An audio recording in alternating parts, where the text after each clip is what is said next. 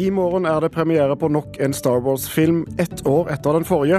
Mange fans syns filmene kommer for tett, og er bekymret for kvaliteten. Verdens største selskap i virtual reality etablerer seg i Hedmark. Spillteknologien skal gi mer spennende undervisning i skolen. Mange tradisjonelle julesanger er tunge å synge for barn. Professor tror det er grunnen til at skolene ofte velger moderne sanger i, julefeiring. i julefeiringen. Dette er Kulturnytt med Thomas Alverstein Ove i eh, studio.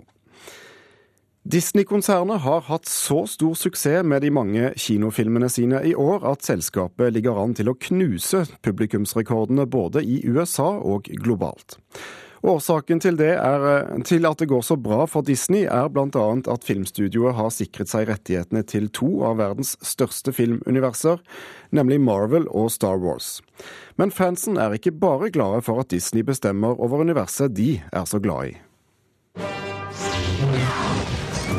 Dette er lyden av mørkets krefter. Lasersverd, avkuttede armer og drap på små uskyldige jedi-barn. I morgen er det premiere på den nyeste Star Wars-filmen, den åttende kinofilmen i rekken så langt. Men filmselskapet som har laget den, er mest kjent for filmer fra en helt annen sjanger. Hakuna Matata, Da Disney for fire år siden kjøpte Lucasfilm og Star Wars, så var det mye negative reaksjoner i Star Wars-miljøet. Det sier Christian Ranke, som er leder for fanklubben Star Wars Norge. At han har en spesialsydd Stormtrooper-drakt på kontoret, er altså ingen overraskelse. Disney er jo kjent for å lage veldig familievennlige filmer og veldig eh, politiske korrekte filmer. Og vi tenkte liksom nei, hva er det som vil skje med Star Wars? Eh, for det er ikke nødvendigvis det Star Wars alltid er. Så da det ble kjent at Disney ville lage minst én ny Star Wars-kinofilm i året, og kanskje flere TV-serier i tillegg, har det raknet for enkelte av Star Wars-fansene. Ikke fordi de er så glade som en kanskje skulle tro, nei, fansen er bekymret for at arven etter George Lucas, Star Wars sin skaper, står i fare, og at Disney i jakt på lettjente penger skal ødelegge universet fansen har blitt så glade i. Det kan bli for mye Star Wars. Det vi frykter, er jo at eh, kvaliteten skal gå ned på filmene, og at det blir mer utvannet. De siste elleve årene under ledelse av Bob Iger har Disney kjøpt tre andre filmstudioer for til sammen 128 milliarder kroner. En vanvittig sum, mente mange, men det var altså prisen for å sikre seg rettighetene til verdens mest populære filmkonsepter for tiden. Vi snakker superhelter i Marvel-universet. 3D-animerte familiefilmer som Toy Story og Star Wars. Nå har disse rettighetene gjort Disney til verdens mest suksessrike filmprodusent. Foreløpige beregninger viser at selskapet i år ligger an til å knuse kinorekordene både i USA og globalt. 60 milliarder kroner i billettinntekter er spådommen før året er omme. Det vil i så fall være tidenes beste for et filmselskap. De gjør jo dette for å tjene penger, og det er på mange måter Disneys eh, viktigste jobb. Det sier Morgenbladets filmanmelder Ulrik Eriksen. Disney er en del av en trend hvor eh, det å lage oppfølgere og det å måte, ha sånne franchise-filmer er den store trenden. På tross av suksessen mener han Disney lever farlig for tiden. Eh, den dagen at publikum blir lei av hele universtankegangen og helst vil se noe helt nytt, så sitter Disney med kanskje litt for sterke investeringer i en del sånne mer forutsigbare filmuniverser.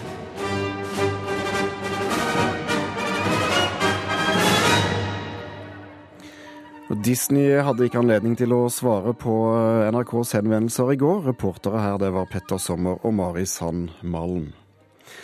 Vi skal til eh, London, for der har eh, pressen fått eh, lov til å se denne filmen allerede. Espen Aas, du var på visningen. Hvordan var mottakelsen blant de oppmøtte i går? Ja, Dette var jo en mye mindre pressevisning enn for ett år siden. Denne gangen var vi en håndfull journalister fra forskjellige land som var stuet inn i et kjellerlokale i Londons Soho. Mens det i fjor var en lang, lang kø med hundrevis av folk på en av de store kinoene i London. Men det var selvsagt mye spenning der. og åpenbart også en del hardbarkede fans blant journalistene, som både klappet på starten og ikke minst eh, da filmen var over nesten to timer senere. Uten å gå i, i detalj, for vi skal ikke anmelde filmen eh, i dag, hva slags film har fansen i vente? Den er ganske annerledes, må jeg si, eh, enn de sju eh, foregående. Eh, fordi det er jo en film som henter frem helt nye figurer og helt nye rollekarakterer, selv om det dukker opp et par velkjente også.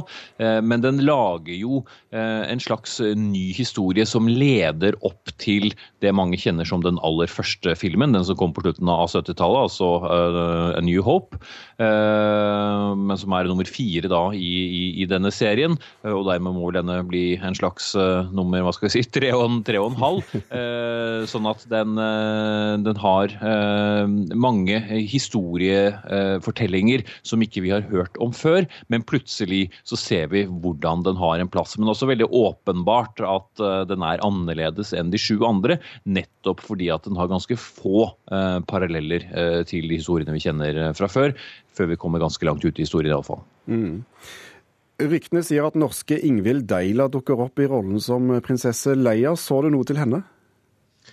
Du skal følge med nøye og være vel vitende om at det skal skje, for å si det sånn. Eh, og det er, ikke, det er ikke, et øyeblikk som, som, eh, kommer tidlig. Jeg visste jo om dette og, og fulgte jo med, eh, men eh, det er ikke eh, eh, Hvis du vet hvordan hun ser ut, så vil du ikke legge merke til at hun er der, uten å gå nærmere inn på nettopp det. Eh, noe spenning må vi eh, fortsatt ha. Vi skal venne oss til Even Ellingsen, eh, fan og medlem i Star Wars-kostymeorganisasjonen 501st Nordic Garrison. Da sa vi det vel omtrent riktig. Hvordan reagerte fansen da, da Disney kjøpte Star Wars, og, og, og hva tenker dere om det de har levert så langt? Ja, I likhet med Christian Ranke så var vi vel kanskje litt skeptiske å starte med, fordi vi vet jo hva slags selskap Disney er. Men samtidig da så ser vi også hva de har klart å gjøre med bl.a. Marvel-universet og, og, de filmene der. Så det er klart, eh, vi, Men likevel, vi hadde en liten sunn skepsis i bakkant før vi på en måte kunne få se hva de kunne klare å gjøre med da bl.a. episode sju. Eh, og det er klart, når den først kom, og vi så de første trailerne, og den kom, og vi vi ble jo, altså jeg vil jo si Personen så ble jeg overbegeistra over det Disney har gjort. For de fikk tilbake litt av den humoren og løssluppenheten som uh, de tre første filmene i hvert fall var kjent for. Uh, litt stivere i episode 1, 2 og 3, men, uh, men det er en personlig betraktning. Men jeg synes at med episode 7 så har de på en måte klart å bevise at Disney er en verdig oppkjøper og klarer å skal føre arven videre. Men de, de, planlegger altså en film i året fremover. Eh, tror du de greier å levere det med den kvaliteten fansen eh, krever? Eh, det tror jeg, men det er klart det gjenstår å se om de på en måte er, altså er sin arv bevisst. At de på en måte klarer å, få fram det som er Star Wars, på en måte, altså ånden. Eh, så eh, det er klart vi får se etter 2020. Først så får vi ta de filmene som kommer nå fram til 2020, og så får vi se hva de på en måte legger opp til etterpå. Så du vil ikke gi noe tall på hvor mange filmer Disney kan, eh, kan lage før, før, det blir for mange? Nei, altså det er jo et veldig stort univers å ta av. Så foreløpig så er jeg ikke redd. Men det er klart at uh, vi, altså vi, får se. Eh, foreløpig skal jeg kose meg med de filmene som kommer nå, og så får vi se hva Disney klarer å, å, å skvise ut appelsinen altså, etter hvert. Espen Aas, eh, har, dere i, i, pressen i London fått noen forklaring på hvorfor årets uh, pressevisning var så nedskalert og, og gjemt bort i en kjeller? Det var ikke for så vidt noen forklaring på det, men det er helt klart at Rogue One er en annen type Star Wars-film. Også selvsagt fordi det bare er et år siden eh, vi fikk eh, den forrige filmen. Selv om produksjonen absolutt er, er, dyr, så fikk jeg likevel litt mer følelse av at vi nå er, er mer i en slags serie. At dette er begynnelsen på, på, noe mer. Men når det er sagt, så fikk jeg også mye mindre følelsen av at dette er en franchise hvor det skal selges leker. Det var ikke så mange nye figurer som du ser for deg barn vil komme løpende rundt. Og det vil vel kanskje være også det som kommer til å skje når det blir en film i året. At dette blir mer skal vi si, dagligdags enn da øh, fansen hadde ventet i så mange år som øh, ved forrige korsvei. Even, Even Ellingsen, til slutt. Når det nå kommer så mange filmer, så kan du kanskje få lov til å ønske deg en favoritthistorie. Hva ville det i tilfelle vært? Ja, Den kommer jo helt på slutten. Det er jo storordene om altså Boba Fett. så Det er jo min favorittkarakter, personlig favorittkarakter. Eh, så jeg gleder meg veldig til den. Eh, så vi får se hva de klarer.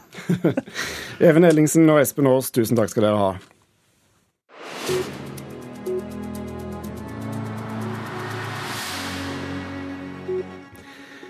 Da skal vi ha andre nyheter, og for første gang er en skoleelev dømt for å ha delt nakenbilder av jevnaldrende i eh, sosiale medier, kollega Espen Alnes. Ja, det er en 19-åring som har vedgått at han tok bilde av ei rusa jente som hadde sex med kameraten hans på en fest. Eh, bildet ble senere delt på sosiale medier, skriver Asker og Bærum Bustikke.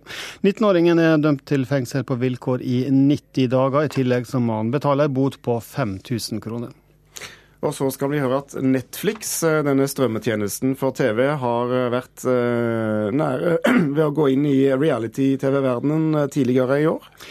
Ja, Prince, som døde i april i år, var i forhandlinger med strømmetjenesten om å lage en eh, realityserie om Paisley Park, den myteoppspunne eiendommen der han bodde og jobba helt til det siste.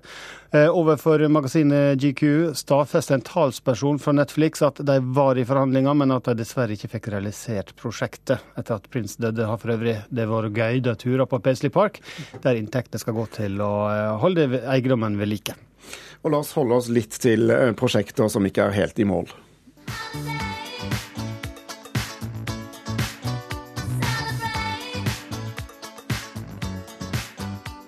Dette er eh, Madonna med 'Holiday' fra debutalbumet Madonna, og hun er hot i Hollywood for tiden.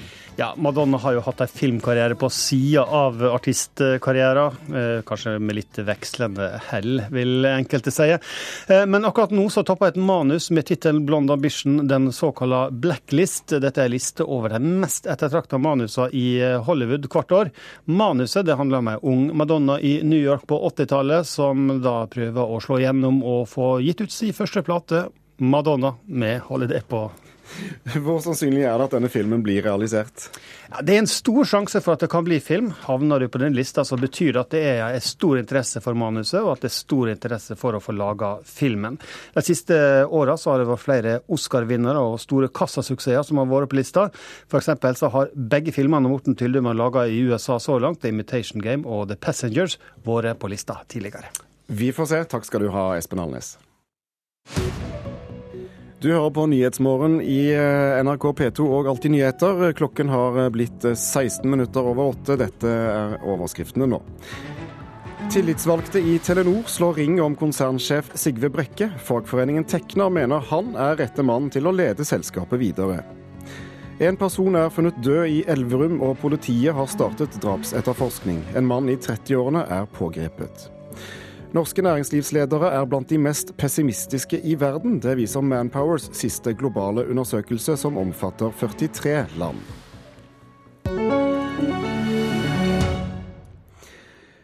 Verdens ledende selskap i virtual reality, Ion, etablerer seg i Innlandet. VR-teknologi, der du ved hjelp av briller kan tre inn i et uh, dataunivers, har bl.a. vært i bruk i spillbransjen eh, en tid. Men nå skal Ion sammen med Høgskolen i Hedmark utvikle nye undervisningsmetoder for bruk i skolen, bl.a. i matematikk. Det vi leser, det husker vi ca. 10 av. Det vi hører, det husker vi ca. 20 av. Men det vi opplever og er med aktivt inn i, det husker vi ca. 90 av. Sier lektor ved Høgskolen i Hedmark, Marit Kristine Berg Strandvik. Når elevene om noen år går inn og setter seg til mattetimen, kan det hende de tar på seg VR-briller. For det er et av prosjektene det skal jobbes med når verdens ledende selskap i virtual reality, E.ON, etablerer seg i Hamar og Elverum. Jeg skulle vilja påstå eh, med nesten 100% sikkerhet at det finnes inget sånt her liknande senter i Skandinavien någonstans. Och det är klart, det här blir ju första i och med att det också är ett publikt center. Eh, det gör ju att folk kan komma och besöka, skolor kan komma dit och så vidare. Och vi kommer ju utnyttja vårt internationella nätverk och vi brukar ja, en gång per år ungefär ha en stor internationell konferens där folk kommer. Och det kommer vi göra likadant här då. Sier daglig leder i E.ON Europa, Mikael Jakobsson. De valgte Innlandet som plassering for det nordiske senteret, fordi Høgskolen i Hedmark har studier i spillutvikling, og at flere selskaper som jobber med spillutvikling har etablert seg der. Næringsutviklere i Hedmark fylkeskommune, Elverum og Hamar og lokale bedrifter har jobba med prosjektet i to år. Fylkesråd Thomas Breen tror det kan gi 200 høykompetansejobber i løpet av tre år. Dette vil bety mange arbeidsplasser, eh, og type arbeidsplasser som gir en it-faktor. Altså Vi setter eh, Hedmark på kartet. da. Eh, både høyskolen, men også næringslivet vil være interessant for å tiltrekke seg nye folk. Et av prosjektene de skal jobbe med, er bruk av virtuell virkelighet i undervisninga. Du tar på en måte det med å, det med å spille og ha det gøy inn i på en, måte en, en helt annen dimensjon, egentlig. Fordi nå det, bruker du det til læring, og da har du en helt annen effekt eh, i det med å drive skole f.eks., eller annen type opplæring. Så hatt VR i eh, grunnskolen for lært matematikk, det hadde vært drømmen, tror jeg. For uh, hvem som helst. Sier Ronny Pedersen i IT-selskapet Innit i Hamar. For når du tar på deg brillene, går du inn i en verden som oppleves som virkelig. Alt fra snekker til rørlegger til hva som helst, egentlig. Du kan bruke det altså, Spennet er så stort, og det gir en så eh, ny måte å lære folk, eh, folk opp på at det, er, det favner mye bredere. Og læringen sitter mye mer enn vi aner. Det sa Ronny Pedersen i IT-selskapet Init. Reporter her, det var Anne Kari Løberg. Unnskyld. Eirik Solheim, vi venner oss til deg, teknologirådgiver i eh, NRK. Du reiser rundt og, og holder eh, bl.a. foredrag om eh, virtual reality. Hvorfor tror du et eh, internasjonalt selskap som Ion velger å etablere seg på Hamar? Det er jo dette eksisterende miljøet der oppe. Det er et ganske velutviklet spillmiljø. Både utdannelsesmessig, men også at det er en del private bedrifter som utvikler spill. Og så er det også et miljø som har holdt på med såkalt 360 graders video og, og virtual reality ganske lenge. Kan du si litt kort om, om um, hva VR eh, brukes til, eller kan brukes til utenfor spillverdenen? Det er jo eh, undervisning, som du ble nevnt her. Eh, og mm, innenfor industrien og undervisning, at du har gjerne en 3D-modell av et bygg. 3D-modell av hvis du er rørlegger, så har du rørene. Hvis du er elektriker, så har du det elektriske. Og så kan du gå rundt og se på disse tingene før du setter det sammen. Men også for så vidt se på innenfor undervisning når det gjelder historie. At du kan rusle rundt i Roma i tusentallet og, og huske at du var der på en eller annen litt mer fancy måte enn at du har sett det i en bok. Um, men også innenfor medieindustrien som vi holder på med, at vi prøver å lage opplevelser hvor folk får føle at de er til stede, enten på en konsert eller på et sportsarrangement. Og spill, da. Ja, hvordan ser du for deg at virtual reality vil påvirke medievanene våre i fremtiden? Det er interessant å se for det at eh, selve denne opplevelsen er jo en sånn opplevelse som sperrer ute verden rundt deg. Eh, og, og medieopplevelsen, hvis vi tar den klassiske sitte og se på TV i stuen, så er det en sånn medievane som, eh, som ikke endrer seg så veldig fort. Og det er en litt sosial greie. Uansett hvordan vi vrir og vender på det, så liker vi å se på TV gjerne sammen med andre. Mens her sperrer du deg veldig ute. Og alle vi som følger med på dette, er jo spent på å se hvordan dette utvikler seg, og hvor mye det kommer til å endre de vanlige medievanene. I første gang så er det innenfor spillverden. Eh, og så får vi se om de mer klassiske medieopplevelsene som film og dokumentar flytter seg inn i dette her etter hvert. Kanskje ikke i dagens form, men eh, en eller annen form hvor du får den ekstra opplevelsen som du gjør nå, vil vi nok se. Hvorfor eh, er det riktig med en etablering i Innlandet nå, en satsing på VR? Akkurat nå i, i, hele bransjen er det veldig mye snakk om dette. da. Eh, og eh, allerede tidlig i 2016 så tenkte jeg at nå eh, kanskje vi er litt vel opphypet, som vi kaller det i bransjen. Men det er veldig mye fokus på det. Facebook har kjøpt store selskaper og støtter det. YouTube støtter det. Det er mye snakk om det, så jeg tror timingen er ganske riktig. Mm. Også et annet begrep som er beslektet, mixed reality. Er det, hva, er det i forhold til virtual reality? Det er ganske interessant, for da sperrer du ikke helt ute alt rundt deg. Med virtual reality så tar du på deg et par briller, og så erstatter du hele synsfeltet ditt. Og gjerne hodetelefoner, så du erstatter hva du hører på. Så mixed reality, som er noe av det som det er mye snakk om nå, eh, da blander du eh, denne dataopplevelsen med det du ser rundt deg. Sånn at når jeg tar på meg noen sånne mixed reality-briller, så fortsetter jeg å se på omgivelsene rundt meg, men jeg kan blande gjerne et dataspill eller eh, andre ting inn der. sånn at hvis jeg designer og har designet en bil, så kan jeg stå og se den bilen som er virtuell, og, og resten av rommet rundt den. Så det er en blanding. Mulighetene er åpenbart mange, og fremtiden ser spennende ut. Takk skal du ha, Erik Solheim. Mange av de gamle julesangene er konservative og tunge for barn å synge. Slik forklarer professor Asbjørn Arntzen det at mer moderne sanger nå benyttes i mange norske skolers julefeiring. På Presthøya skole i Kristiansand feirer de Lucia-dagen i dag med både ny og gammel Lucia-sang. Det er så mørkest og ingen klokker slår.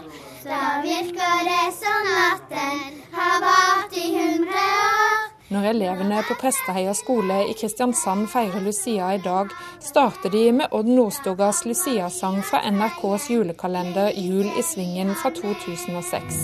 Santa Lucia.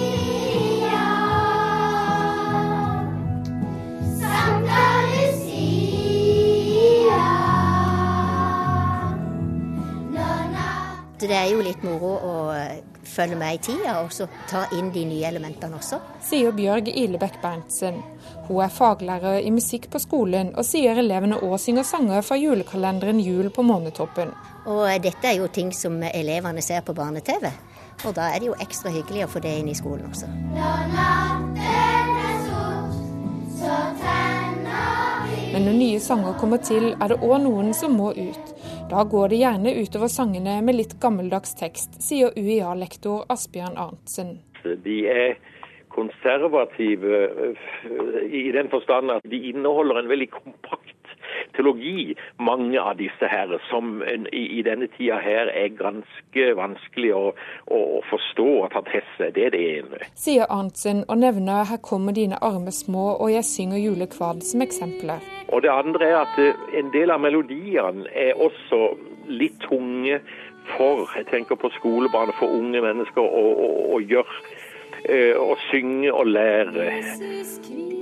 Tekstene de blir eh, de blir annerledes nå etter hvert. Og blir mer eh, verdsliggjort, mer, eh, mer hverdagsliv på en måte. Men, men eh, det, det, er selvfølgelig det er ny tid. Det må jo være utvikling innen dette her. Jeg syns det er veldig naturlig. Bjørg Ilbekk Berntsen syns det er fint å få inn litt nye julesanger i skolen. Og en merker fort hvilke sanger som er gode å synge, og som er levedyktige nok. Julesvingen synger vi. Tenn lys. Det er musevisa. Jeg liker også ganske godt musevisa. Ja. Eh, jeg liker lov, på Låvensitternis med sin julegrønn. Mens Julisvingens Lucia-sang starter feiringen på Presteheia skole i dag, er det den tradisjonelle Svart senker natten seg som avslutter den.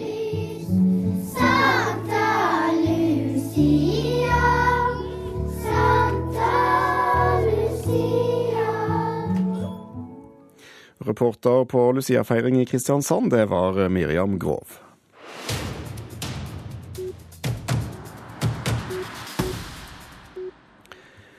Munch-museet har hatt stor suksess de siste årene med serien av utstillinger der de setter Munch sammen med en annen kunstner. Nå gjør Stavanger kunstmuseum det samme med den romantiske landskapsmaleren Lars Hertavig.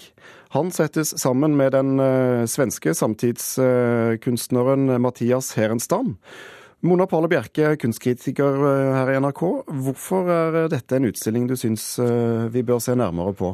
Jo, for Lars Hertevig han er jo med rette betraktet som vår aller største kunstner etter Edvard Munch. En virkelig banebrytende kunstner i sin samtid. Man har jo en tendens til å fokusere veldig på det at man, han var betraktet som uhelbredelig sinnssyk, som man sa, i, i hans samtid. Eh, men dette er jo veldig lite viktig i forhold til den fantastiske kunsten som han eh, skapte. Han lager da disse gåtefulle, drømmeaktige landskapene hvor han gjennom hele sitt kunstnerskap dyrker lyset. Og også i, i den sene delen av sitt kunstnerskap så hadde han jo ingen penger i det hele tatt, og da lapper klipper han jo sammen alt mulig rart da han finner av innpakningspapir og rullepapir, og lager sitt eget lim, koker sitt eget lim da, og limer disse sammen til å lage noe han kan male på.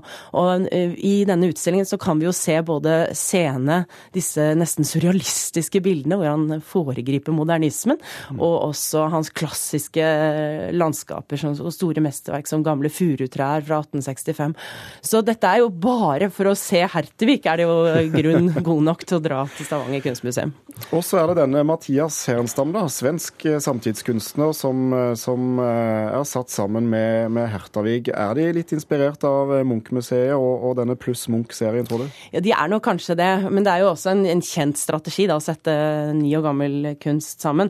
Og det er ikke noe dårlig valg altså, å sette Mathias Herenstam sammen med Hertevig, for de har et slags, slags slektskap, syns jeg.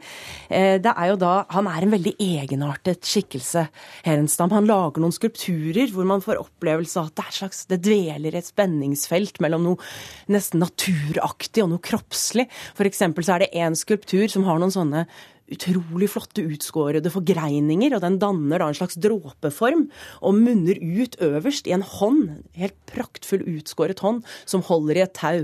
Og dette tauet bærer jo denne hengende skulpturen. Og dette er veldig typisk for Herenstam, dette at det er noe på en måte noe abstrakt, og så stiger det noe kroppslig og figurativt ut av den eh, abstrakte formen. Men uh, dette er vel ikke akkurat noe vi ser så, uh, så mye av hos uh, Hertavik, kanskje? Det du beskriver nå, Hvordan snakker de to kunstnerne sammen? Ja, dette er en veldig spennende dialog, fordi at de har begge en sånn slags hva skal jeg si, kroppsliggjøring av naturen da, på hver sin måte. Hos Hertevik så ser vi jo veldig mer altså F.eks. et gammelt tre kan se ut som en kroket skikkelse. Så det er jo mer, mer indirekte kanskje enn hos Herenstam. Men begge har de en sånn uro, underliggende uro, og eh, også en utrolig sånn skjønnhet latent da i sitt uttrykk. Så dette er en eh, kraftfull og veldig spennende dialog mellom to viktige kunstnere. Og det høres ut som dette er en utstilling du vil anbefale? Helt utvilsomt. Tusen takk skal du ha, Mona Palle Bjerke. Da gjenstår det bare å si at eh, produsent for Kulturnytt i dag var eh, Gjermund Jappé. Her i studio satt Thomas Alverstein Ove.